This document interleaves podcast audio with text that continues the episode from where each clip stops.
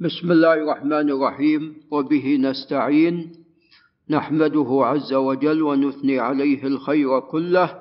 ونصلي ونسلم على نبينا محمد وعلى آله وأصحابه والتابعين لهم بإحسان إلى يوم الدين. أما بعد فتقدم لنا أن المصنف رحمه الله تعالى قال أبواب تطهير النجاسات. يعني كيفية تطهير النجاسة. ثم قال وذكر ما نص عليه منها. فهناك أشياء قد جاء النص عليها بأنها نجاسة. وأما التي لم يأت النص عليها فالأصل في الأشياء الطهارة. نعم. ثم قال باب اعتبار العدد في الولوغ. وهذا تقدم لنا. وتقدم لنا أن الأصل في النجاسة أنه يصب عليها صبة واحدة فإذا زالت فبها ونعمت والا يصب مرة ثانية.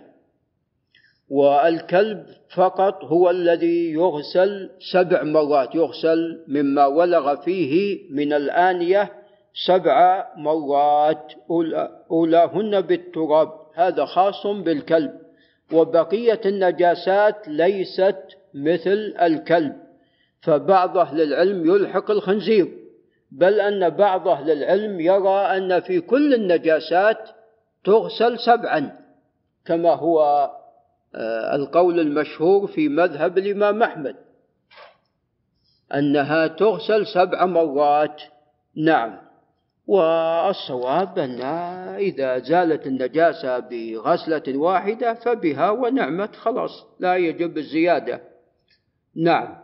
ثم قال المصنف باب الحت والقرص والعفو عن الأثر بعدهما. فكما سوف يأتي عندنا الحت وعندنا القرص. كما سوف يأتي. قال والعفو عن الأثر يعني قد يبقى بعد الغسل أثر للنجاسة. نعم. وهذه النجاسة إذا كان لها لون كالدم. الدم تعلمون إذا وقع على الثياب وغسلت الثوب. هو نعم جرمه ذهب ولكن يبقى اللون. أحيانا يبقى اللون. فقال والعفو عن الأثر بعدهما أي بعد الغسل. قال عن أسماء بنت أبي بكر الصديق رضي الله عنها وعن أبيها. قالت جاءت امرأة وفي رواية هي السائلة. لعل الأستاذ علي ينتبه في رواية هي السائلة.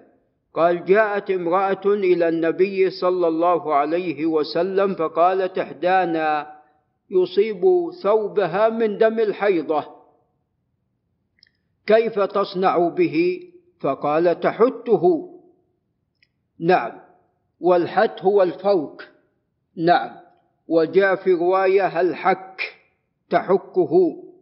نعم. حتى تزيل عينه لأن دم الحيض له جرم. فأول شيء تحته تحكه ثم الأمر الثاني تقرصه بالماء. القرص هو بأطراف الأصابع. القرص هو بأطراف الأصابع. تقرصه بالماء حتى يتحلل. ولا يبقى منه شيء. قال ثم تنضحه. وهذا الثالث عندنا ثلاثة أشياء. عندنا الحت ثم عندنا القرص ثم عندنا النضح. فعندنا ثلاثة أشياء. نعم. والنضح هو صب الماء على الشيء المتنجس. هذا هو النضح. نعم. قال ثم تصلي فيه. نعم. قال متفق عليه. إذا كما تقدم عندنا ثلاثة أشياء في دم الحيض. أولا أن الدماء أنواع. الأول هو دم الحيض وهذا بالاتفاق نجس.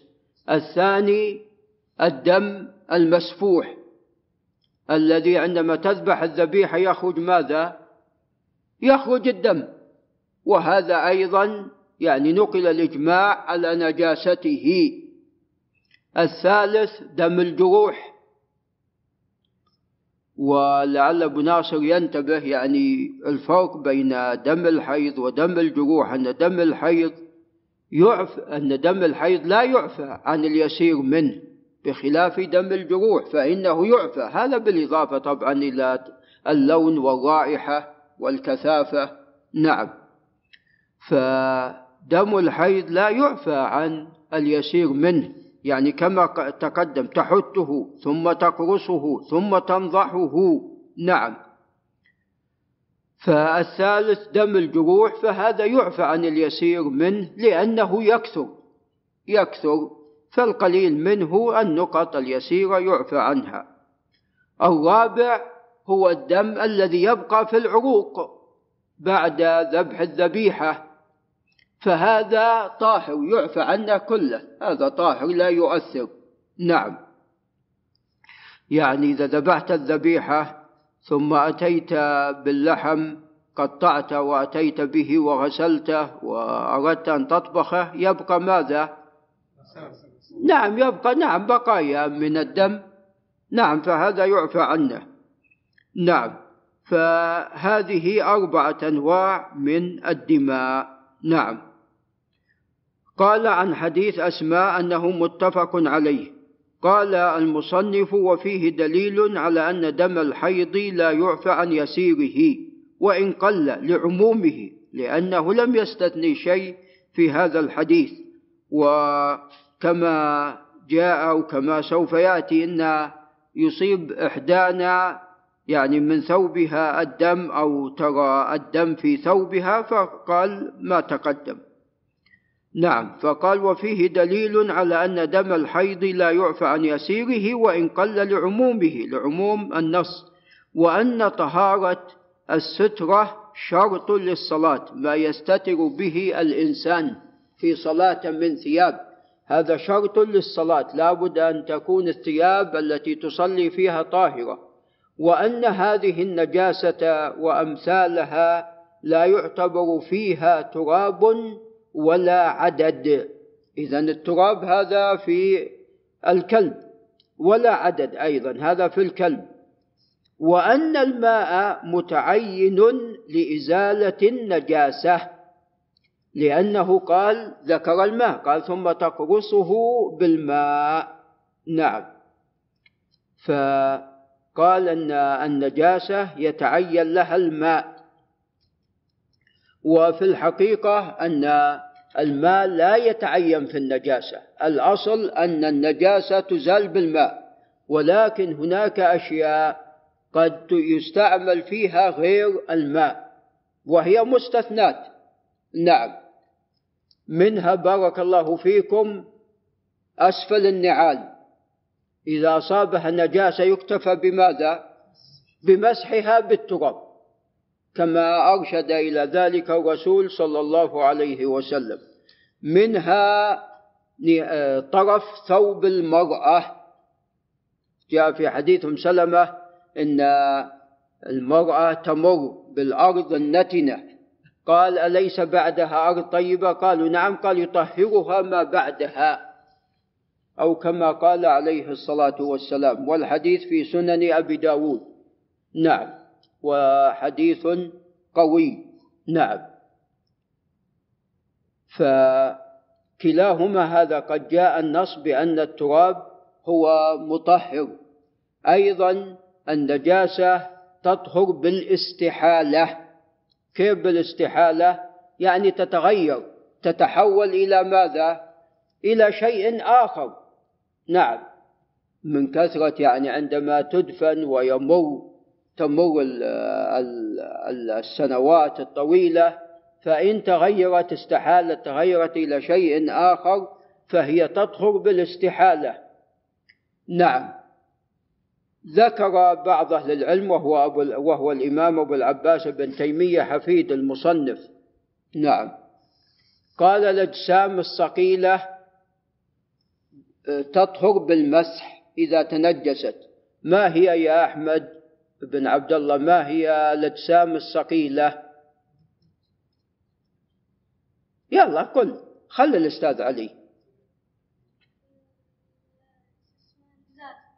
نعم صحيح الزجاج نعم. شيء صقيل نعم. أو السيف أو المرآة نعم. يقول هذه تطهر بالمسح. يقول هذه تطهر بالمسح. نعم. هذه أشياء صقيلة نعم. ناعمة الملمس فيقول تطهر بالمسح. إذا مسحتها ولم يبقى شيء من أثر النجاسة فإنها تطهر. أيضا في وقتنا هذا آه، الثياب تطهر بالغسل بالبخار غسل بالبخار يعني الأشياء التي من الصوف. إن غسلتها بالماء قد ماذا؟ قد تفسد. قد تفسد. إن غسلتها بالماء تفسد. يعني هذه العبات إن غسلتها بالماء تفسد. نعم. فتطهر هذه بالغسل بالبخار باستعمال البخار. ولذا الثوب قد يكون فيه بقع. وإذا غسلت بالبخار زالت هذه البقع.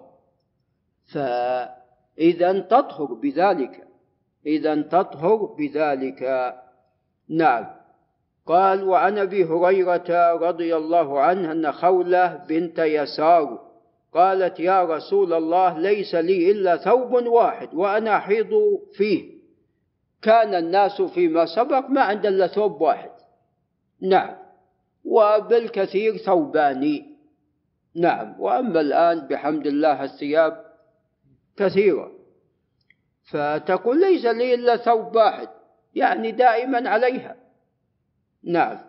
وأنا أحيض فيه. قال فإذا طهرت فاغسلي موضع الدم ثم صلي فيه. قالت يا رسول الله إن لم يخرج أثره. قال يكفيك الماء ولا يضرك أثره. رواه أحمد وأبو داود. وهذا في إسناده ابن لهيعة. وهو ليس بالقوي. نعم. ولكن الذي بعده يشهد له. نعم. قال وعن معاذة قالت سألت عائشة. معاذة بنت عبد الله العدوية كانت من التابعيات وهي مشهورة بالفضل يعني حتى ذكر مشهورة بالعبادة وهي بصرية. فاستشهد زوجها وولدها. فجاءوا يعزونها فقالت هنئوني. نعم فهي معروفة يعني بالعبادة حتى زوجها. حتى قال يعني الزوج في المعركة قال لولد تقدم أمامي حتى احتسبك. نعم فذهب الولد ولحقه الابن. ذهب الابن ولحقه الأب. فرحمة الله على أهل هذا البيت. قال سألت عائشة عن الحائض. عائشة رضي الله عنها عن الحائض يصيب ثوبها الدم. قال تغسله. فإن لم يذهب أثره فلتغيره بشيء من صفرة. نعم لأن يعني النفوس تتقذر. يعني حتى لو غسلته بقي أثر الإنسان يكره ماذا؟ هذا الأثر لأنه أثر يعني نجاسة في الأصل. فلتغيره بشيء من صفرة. قالت ولقد كنت أحيض عند رسول الله صلى الله عليه وسلم ثلاث حيض جميعا لا أغسل لي فيهن ثوبا. هذا إذا لم يصب الثوب شيء من الدم. نعم بالنسبة لهذا الحديث هذا إسناده صحيح إلى أم الحسن الراوية عن معاذة وهي لا تعرف. نعم. ولكن في صحيح البخاري من طريق مجاهد قال عن عائشة رضي الله عنها ما كان لإحدانا إلا ثوب واحد واحد تحيض فيه فإذا أصابها شيء من الدم قالت بريقها فقصعته بظفرها ثم تصب عليه الماء. نعم طبعا الحديث ما فيه تصب عليه الماء لكن من باقي النصوص. وفي الحديث الأول ثم تنضحه اختلف في طبعا النضح في فرق بين النضح والغسل النضح صب الماء. والغسل يعني الفوق. نعم.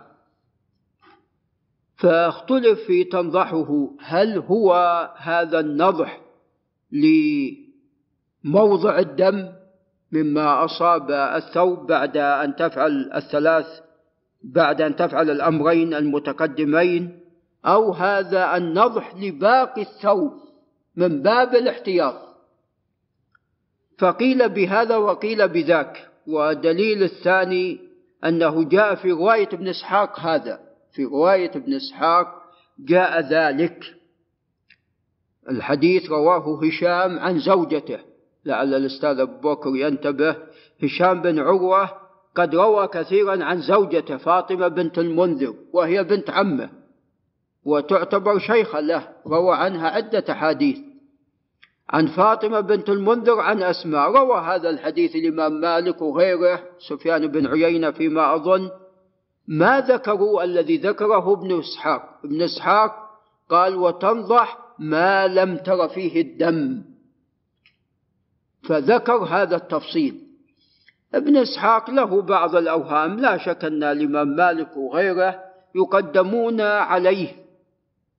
نعم.